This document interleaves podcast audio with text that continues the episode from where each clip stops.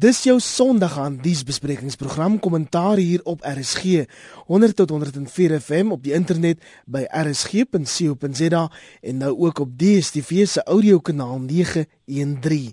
Goeienaand, ek is Iver Price en op die paneel vanaand die politieke ontleder Stew Venter en Dr Ina Gous wat albei aan die Noordwes Universiteit verbonde is.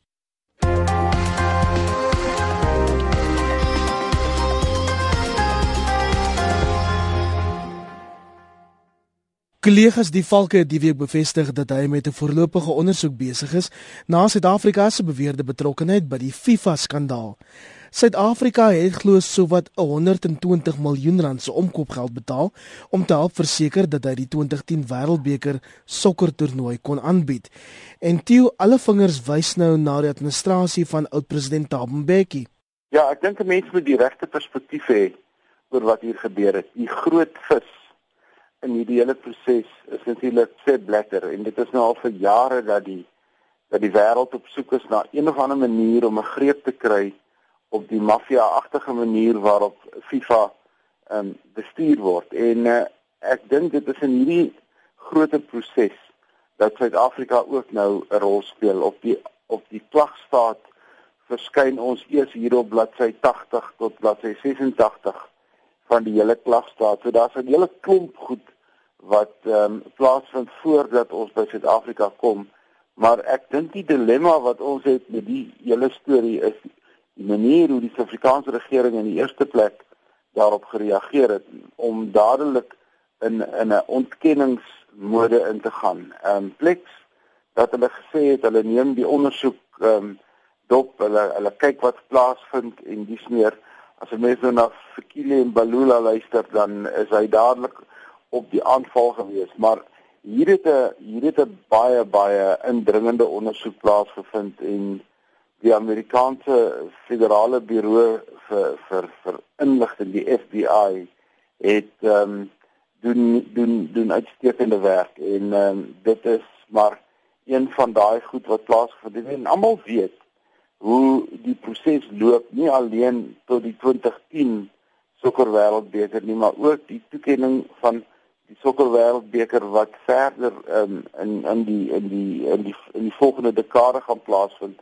is daar groot vrae daar rondom. Maar um, nee ek dink ek dink ons is bepaald betrokke en as ons 'n toets dop is dit hoe ons gereageer het op die beskuldigings Maar dis maar die tipiese Suid-Afrikaanse maniere om op beweringe te reageer.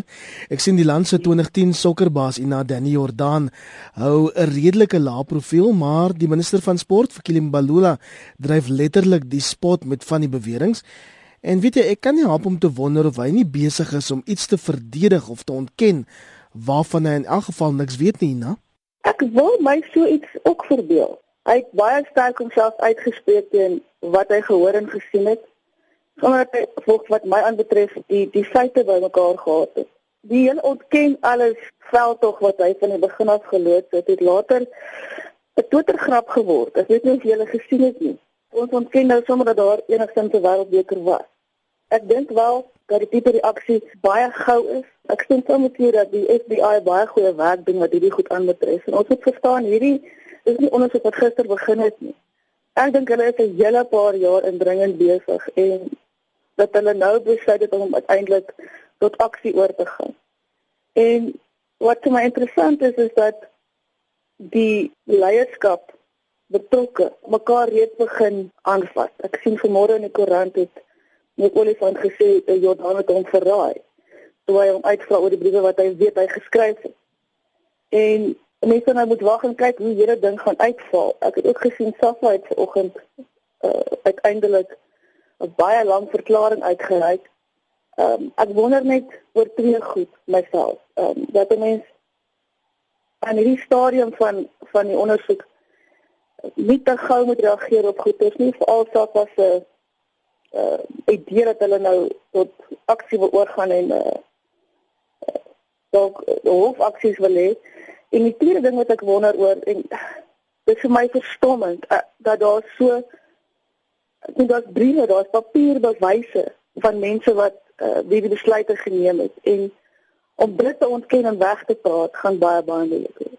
Dit lyk of FIFA se voormalige adjunk of Jack Warner oopkaarte oor hierdie gemors begin speel het in so 'n mate dat sê Blatter toe die week gedwing is om 'n paar dae na sy herverkiesing te bedank Theo. Is dit hoe jy ook die lyne lees? Hier is 'n interessante proses wat homself afspeel. Ehm um, Seth Blatter sou nie bedank het as hy nie gekonfronteer is met getuienis wat onweerlegbaar is nie en dit is nog nie geopenbaar nie maar die FBI met met ander woorde beskik oor getuienis wat dit vir hom klinkklaar maak dat hy dat hy nie kan aangaan met sy vierde of sy vyfde termyn waarop hy waarvoor hy verkies is 'n week of wat gelede nie.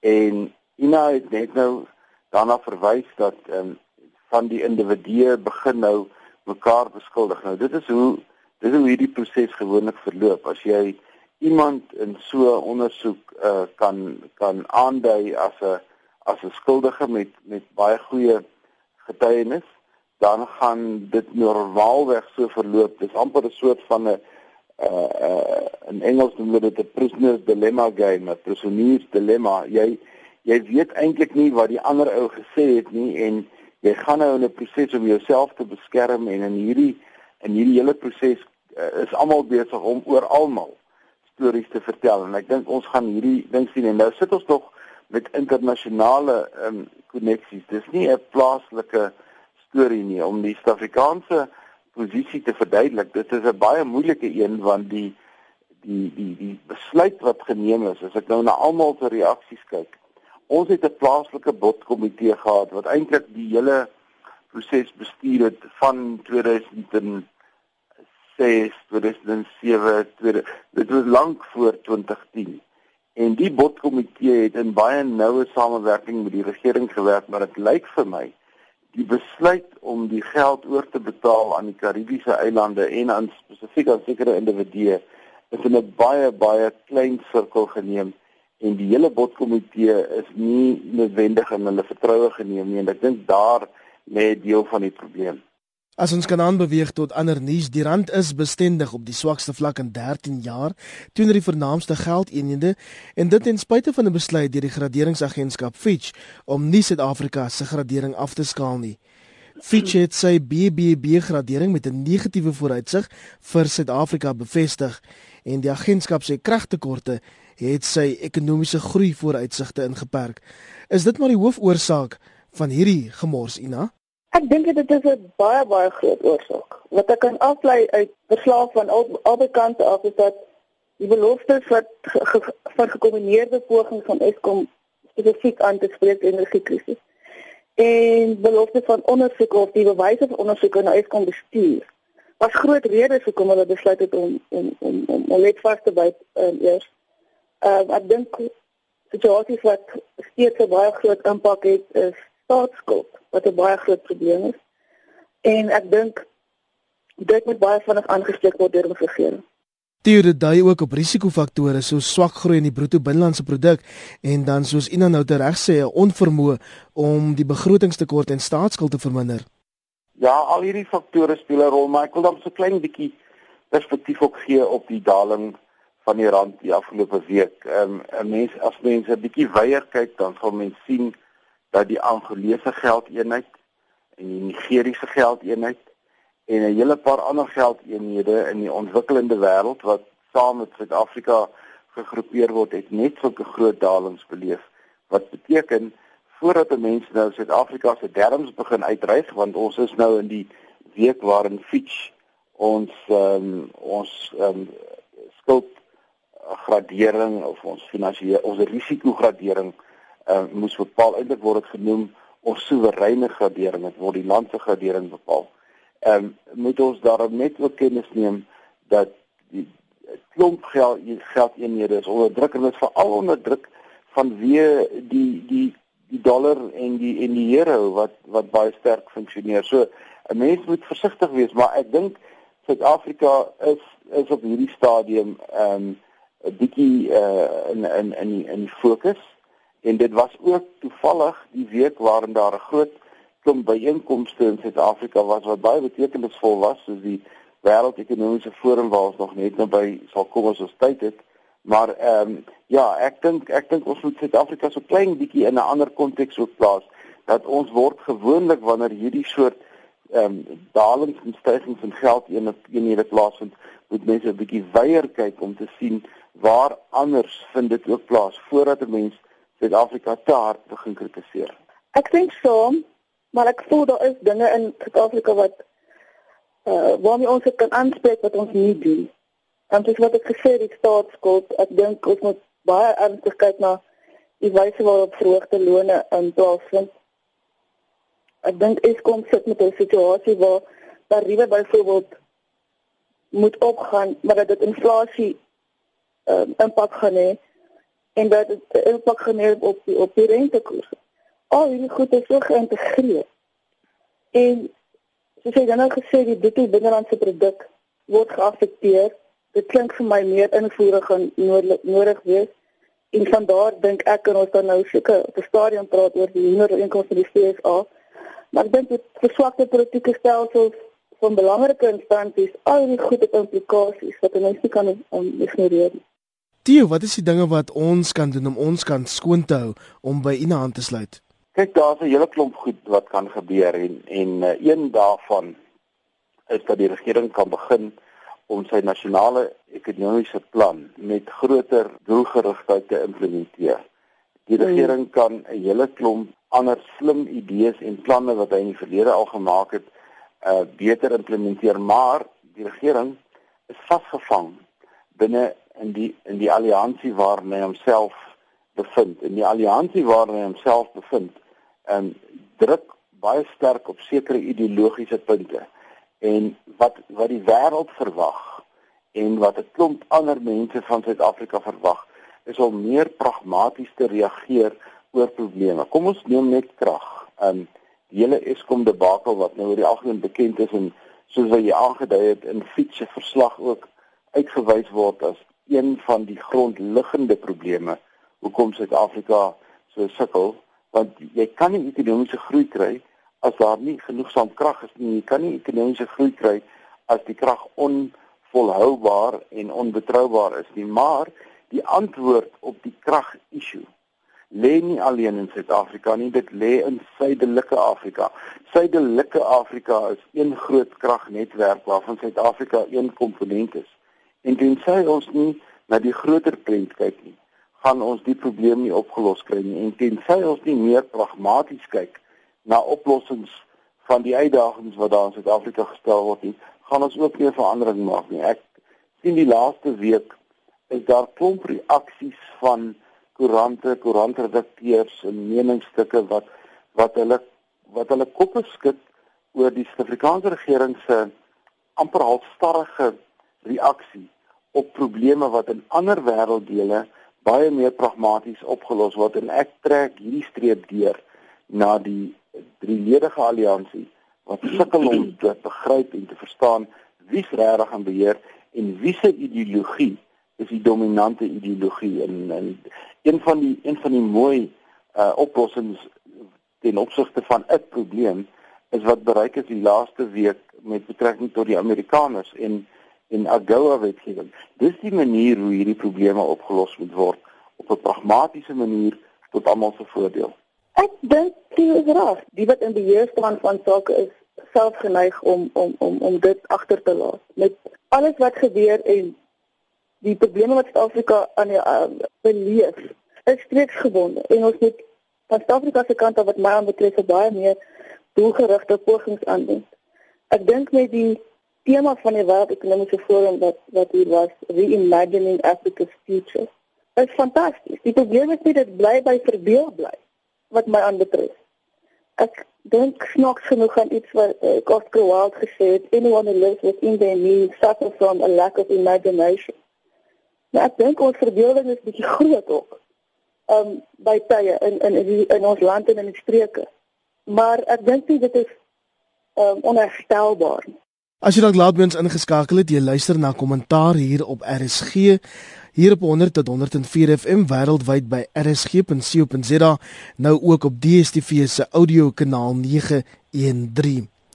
Suid-Afrika gaan straftariewe teen Amerikaanse hoenderinvoere beëindig en invoere hervat volgens 'n nuwe ooreenkoms tussen die twee lande. Suid-Afrika het die laaste 15 jaar streng invoertariewe teen sekere hoenderprodukte gehef. Tieu, wat is die agtergrond? Hierdie is 'n lekker storie in die sin dat dit wys hoe die wêreld onderling aan mekaar verbind is. Dit begin by by Suid-Afrika wat probeer om sy binnelandse ehm um, kleinveebedryf te beskerm teen teen dumping. Met ander woorde, dit is wanneer iemand ehm um, produkte in 'n ander land vervaardig teen baie goedkoper as wat ons plaaslike vervaardigers dit kan doen, dan die produkte hier ehm um, laat laat uh, laat stort en en dit plaas die plaaslike bedryf onder groot druk. Dit is breedweg die prentjie. Maar dit begin in Rusland nadat Rusland die uh, die die die Krimskiereiland geannekteer het waaroor Suid-Afrika natuurlik nie veel te sê gehad het nie en die anneksering van 'n land is 'n baie sterk imperiale soort van optrede gaan Amerika en Europa en hulle en hulle begin met groter sanksies teen Rusland in 'n poging om vir hom te sê om nie dit te doen nie en ook nie verder te gaan met sy met sy aggressie teenoor die Oekraïne nie.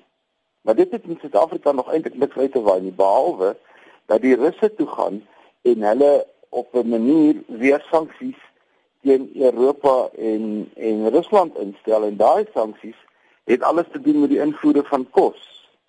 En die volgende oomblik sit Amerika met 'n geweldige dilemma dat hy omtrent 10% van sy van sy pluimveeproduk in die verlede na Rusland toe uitgevoer het en die Amerikaanse pluimveebedryf begin toe rebelleer teen die Amerikaanse regering want hy kry nou niks, hy kan nou niks doen met sekere hoenderstukke wat die Amerikaners nie eet nie. Amerikaners eet tradisioneel net die wit vleis van 'n hoender en nie die bruin vleis nie. Met ander woorde die duitjies en die boutjies en daai soort van goed eet hulle nie tradisioneel nie. En toe kom die Amerikaners met die AGOA wetgewing. Dis 'n wetgewing wat vir Suid-Afrika sekere voordele gee ten opsigte van invoer en uitvoer en sekere tariewe. Maar Suid-Afrika weier dat hoenders en die storting van hoenders onder daardie wetgewing inkom. En Amerikaners sê hulle gaan die verdere 10 jaar verlenging van hierdie baie voordelige wetgewing teenoor Suid-Afrika opskort as ons nie op een of ander manier na die tafel toe kom oor die invoere van hoendervleis nie.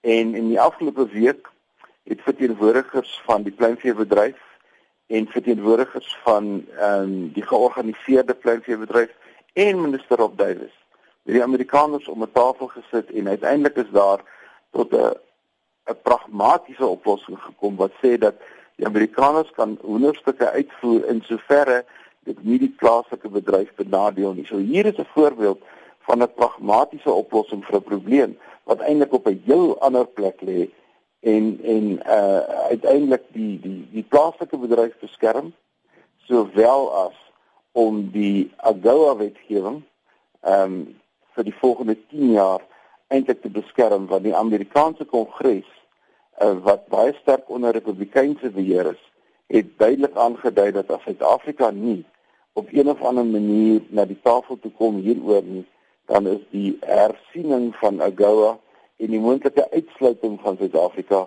baie hoog op die agenda.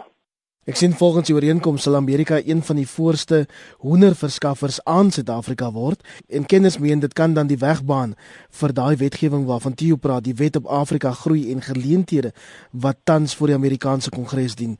En na jou reaksie hierop? Sê dit maar reg, ek dink hierdie is 'n pragmatiese baie goeie besluit gewees. Ehm um, ek dink die groot fees al wat dieselfde wat uh, wat ek kan aflei. Skapte vryhandel voordele het wat weer dit in reeds het. En hulle het ons eintlik goed beet gehad want wat ek ook sien is die plaaslike hoendervervaardigers kon nie bybly met die vraag nie. En so ons het nodig gehad om hierdie besluit te neem en daarop sig wat ek ook net baie oorwonder is as jy sien in Suid-Afrika dat uh die plaaslike mark nie kan byhou nie en ons praat so vreeslik oor ontwikkeling en en en grondhervorming en opkomende boere en dies meer sien ek snaaks genoeg nie stappe in daai rigting as daar so groot mark is nie. Maar dis seker 'n gesprek vir 'n ander dag maar dit is my observasie.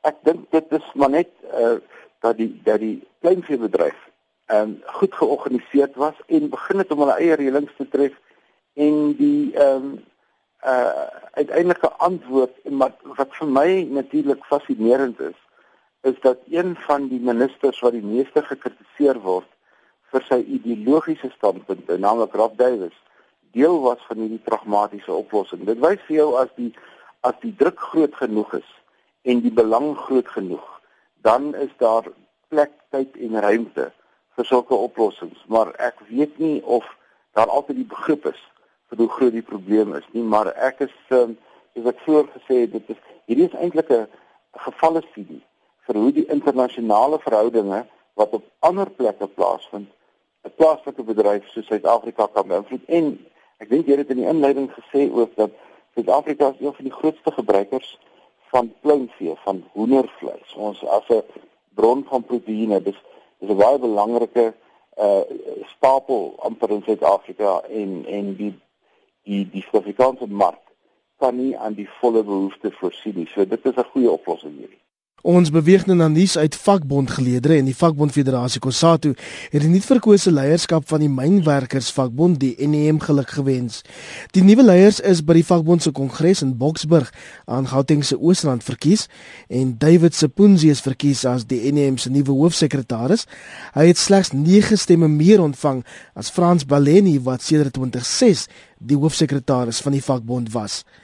Verwag ons nou 'n bietjie van 'n drama, 'n spanning tussen hierdie twee nuwe leiers. As mens kyk na die geskiedenis van en, en die die die, die situasie met Unie vir die oomblik. Ehm, um, sou mens dit verwag? Dit lyk egter tot dusver asof die proses baie demokraties was en dat die, die uitslag aanvaar word. Ek dink Siponzi se se kamp het hard gewerk, baie hard gewerk, verstaan jy?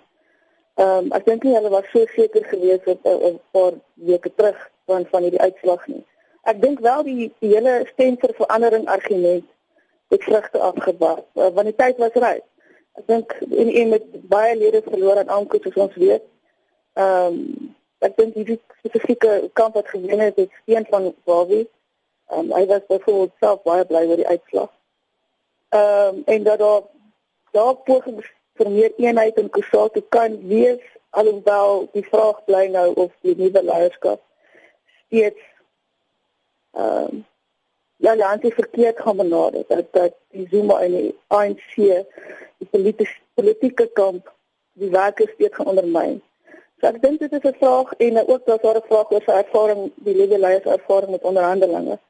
Maar ek dink die die op die stadium word die uitslag aanvaar. Ja, ek dink Kusatu se moeilikheid uh, lê vir 'n wag. Um, dit is wat Ina gesê die verkiesing was demokraties, dit was net net 'n oorwinning, maar hier is 'n baie groter ehm um, kwessie wat op Kusatu wag en dit is hulle moet nou 'n buitengewone kongres hou een van die dae. En daar is baie sterk stemme binne Kusatu wat gekant is teen die wyse waarop Nimsa geskort is en waarop Wawi geskort is en en en doen sie sing in daai koor. Ehm um, wat beteken dat binne in Kusatu is een van die grootste partye, naamlik NUM, een van die grootste vakbonde, ehm um, is ek gaan nie sê ten gunste van en NUM sal nie maar om ten minste simpatiek gesind. En dit gaan dit nog moeiliker maak vir die Kusatu leierskap om die roete in te slaan waar hulle nou is. En wat is die roete? Die roete is eenvoudig dat die leierskap van Kusatu sedert 2007 anderswoorde dit was toe Zuma verkies is by Polokwane nog nie wesentlik verander het nie. En hier is een van die groot eerste veranderinge dat Frans Baleni uitgeskop is wat een van die groot ondersteuners is van die huidige president van Kusatu se doen Lamini en ek dink hierdie is die begin van 'n klomp veranderinge wat gaan kom en ek dink die die die die spekulasie dat die Kusatu die opbreek van Kusatu of die fragmentering van Kusatu is definitief aan die gang En hierdie is een van die belangrikste goed wat nog gaan uitwys dat die veranderinge in NIM is een van 'n paar rooi vlae wat opgesteek is. Die eerste een was die skorsing van ehm um, NIMSA, die tweede een was die skorsing van Wawi en nou die leierskapsveranderinge in NIM. Ek dink hierdie is die begin van groot veranderinge wat dan mens baie fyn moet dop. Die tyd is reg vir hierdie veranderinge. Ek dink daar is geweldige ontevredenheid met Kusatu se leierskap dink ek. Ek dink onder baie um, unies. Ek dink dat die bepalings en die verhoudings binne die alliansie ehm um, ontevredenheid oor is en ek dink hierdie veranderinge gaan gaan gaan op 'n stadium baie drasties begin raak. Terloops ek sien Frans Baleni spog. Hy's nie bekommerd oor die feit dat hy uitgeskop is nie, want daar's heelwat vakatures in die sokkerklub Kaizer Chiefs. Ons beweeg nou na ander nuus. President Jacob Zuma sê die regering het dit reg gekry om Suid-Afrika te bemark as die beste bestemming vir belegging op die vasteland by die Wêreld Ekonomiese Forum oor Afrika. President Zuma het verhoog dan gedeel met die voormalige Britse eerste minister Gordon Brown. Jou indrukke van hierdie beraad, Theo? Ja, meneer Zuma het 'n belangrike platform gehad en uh, uh as die as die verslag korrek is, dat dit hier en daar ook iets gesê wat 'n paar giggels en glimlagte veroorsaak het.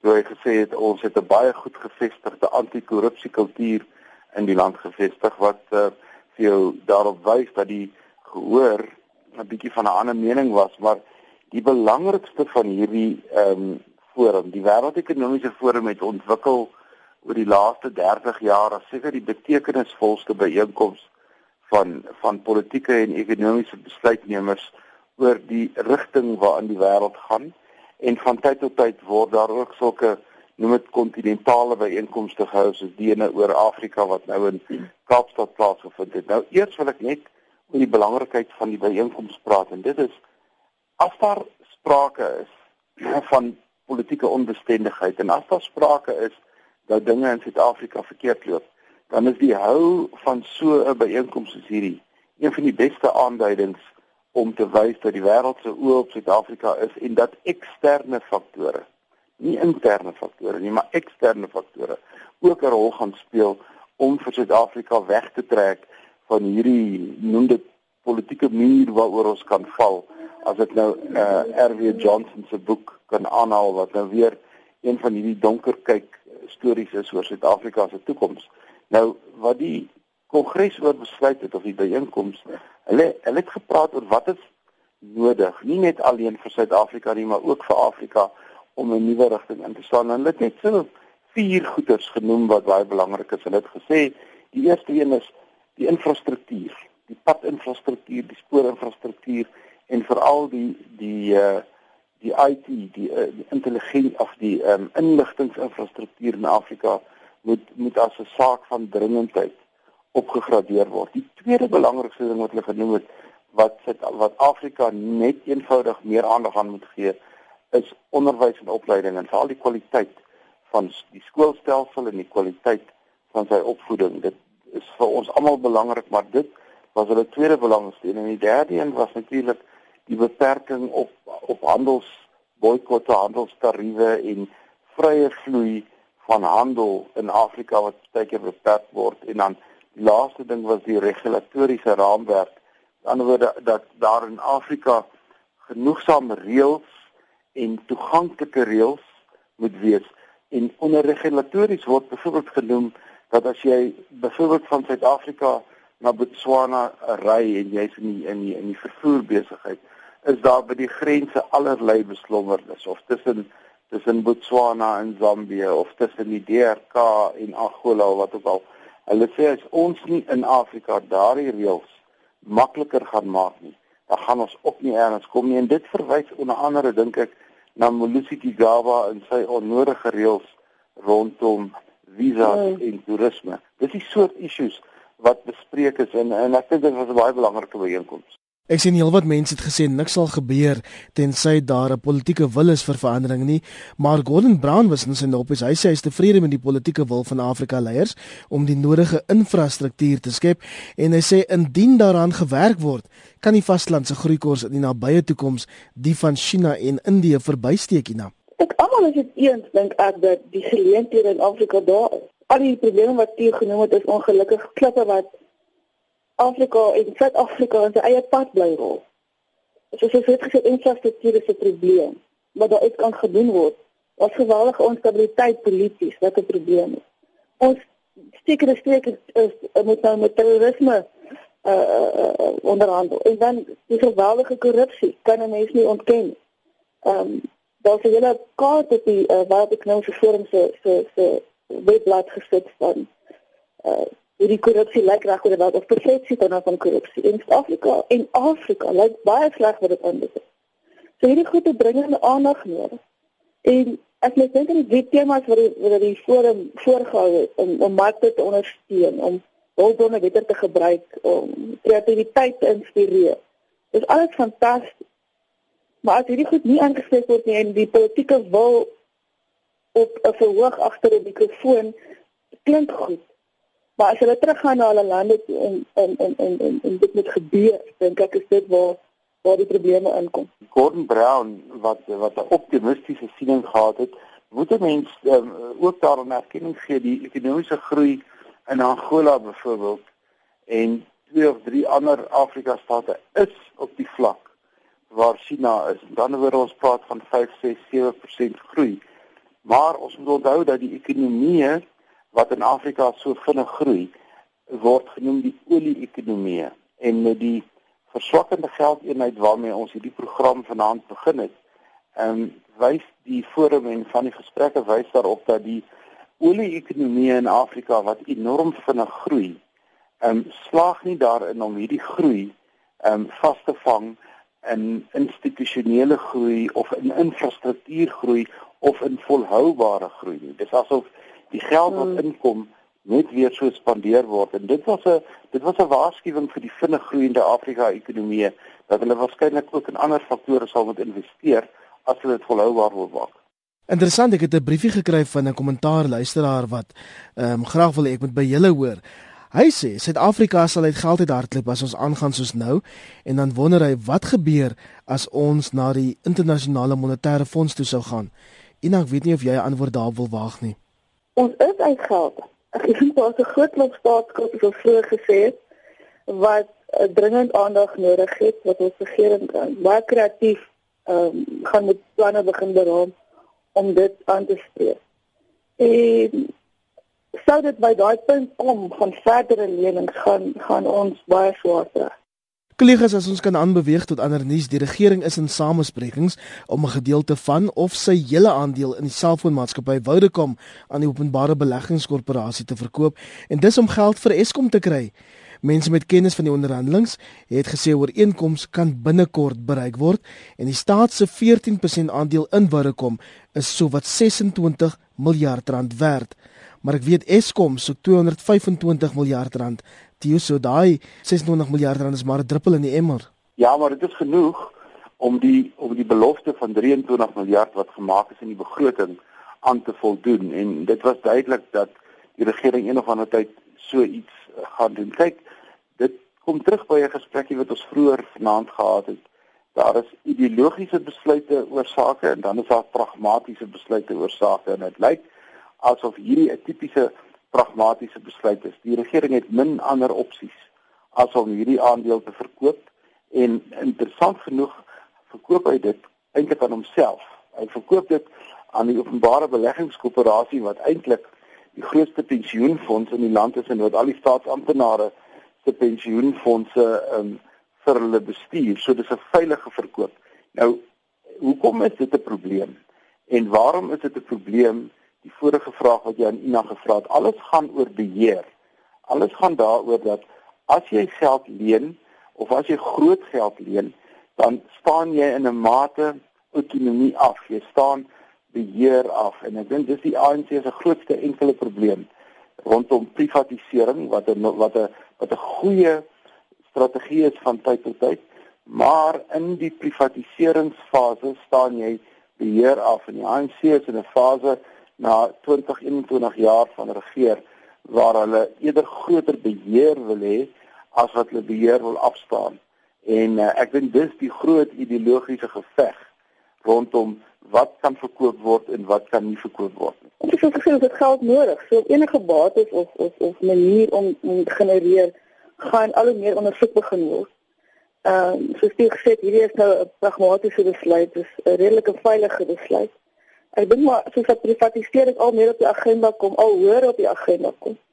um, om baie dienslewering uh, probleme onder andere aan te spreek. Uh dis hy gesê jy gaan beheer afstaan aan die private sektor en waarskynlik soos dit wel is in sulke gevalle is veranderinge in arbeids arbeidsmark wat ons reeds geweldige probleme het. Ehm um, die eerste ding wat gebeur. So dit gaan al hoe moeiliker raak vir 'n regering wat ehm um, baie laat begin om hierdie goed aan te spreek. En, en mense sou sien wat toegelaat sal word verder na die verkiesing volgende jaar. So terwyl hulle sukkel om die geld bymekaar te kry, gaan ons voort in beerdkrag in die donker en 'n koue winter, Tio. Ja, dit is dit is so, beerdkrag dink ek ehm um, met die met die winterverhaal, die die koue front of twee wat ons nou gaan begin kry, gaan Eskom natuurlik ehm um, uh onder geweldige groot druk plaas. Ehm um, en uh dit gaan weer net wys dat Fitch se se aanmaning dat ons die elektrisiteitsvoorsieningsproses gaan moet regkry um, nog 'n belangriker besluit neem. Dit lyk ook asof asof Brian Molefe interessant genoeg wat van tevore by die openbare beleggingskorporasie was en van daar af na Transnet toe is en nou by Eskom is, soos wat die ouens by Eskom nou die geskorste lede um pakkette neem en uittreë, lyk dit vir my dat die aanstelling van Molefe al hoe meer na permanente aanstelling lyk en dit lyk asof hy ten minste op die boonste vlak van bestuur vir vertroue begin inboesem en dis die dis die begin van 'n regrit. As daar net genoegsame mm. vertroue is in die topbestuurders van 'n organisasie, dan kan 'n mens veranderinge aanbring en dan wil ek 'n laaste stukkie byvoeg en dit is Suid-Afrika is en dit het ook uitgekom by die Wêreldekonomiese Forum een van die grootste investeerders op die oomblik in groen krag en in alternatiewe en hernubare krag dat ons binne binne die laaste jaar of 3 uh eintlik radikale veranderings aangebring het in hoe krag opgewek word in die land. Die situasie met Eskom uit ek daarom 'n pleintjie gee. Dit klink vir my asof dit afgelope paar dae net te sleg gegaan het nie en dit is verskriklik dat mense 'n opbreek daarvan moet maak want dit moet eintlik heeltyd so wees. Maar um, onder al die onstabiliteit en die groot vraag na dit se tyd met die met die koue dink ek uh, moet ons maar vir hulle sê dankie vir die hartse beer. ja, goue sterretjie vir Eskom hierdie week. En dit bring ons aan die einde van vanaand se kommentaar hier op RSG. Luisteraars is welkom om hulle sê te sê oor die vernaamste nuusgebeure van die week. Jy tweet ons sommer gebruik die hitsmerk kommentaar en onthou ek tweet by Iver Price. Tio? Nou myne myne is @tio_defenter en uh, ek reageer graag as luisteraars vra het. Ek is @ina_gous. En dan die politieke ontleeders, Theo Venter en Ina Gous albei verbonde aan die Noordwes Universiteit. Baie dankie vir julle tyd.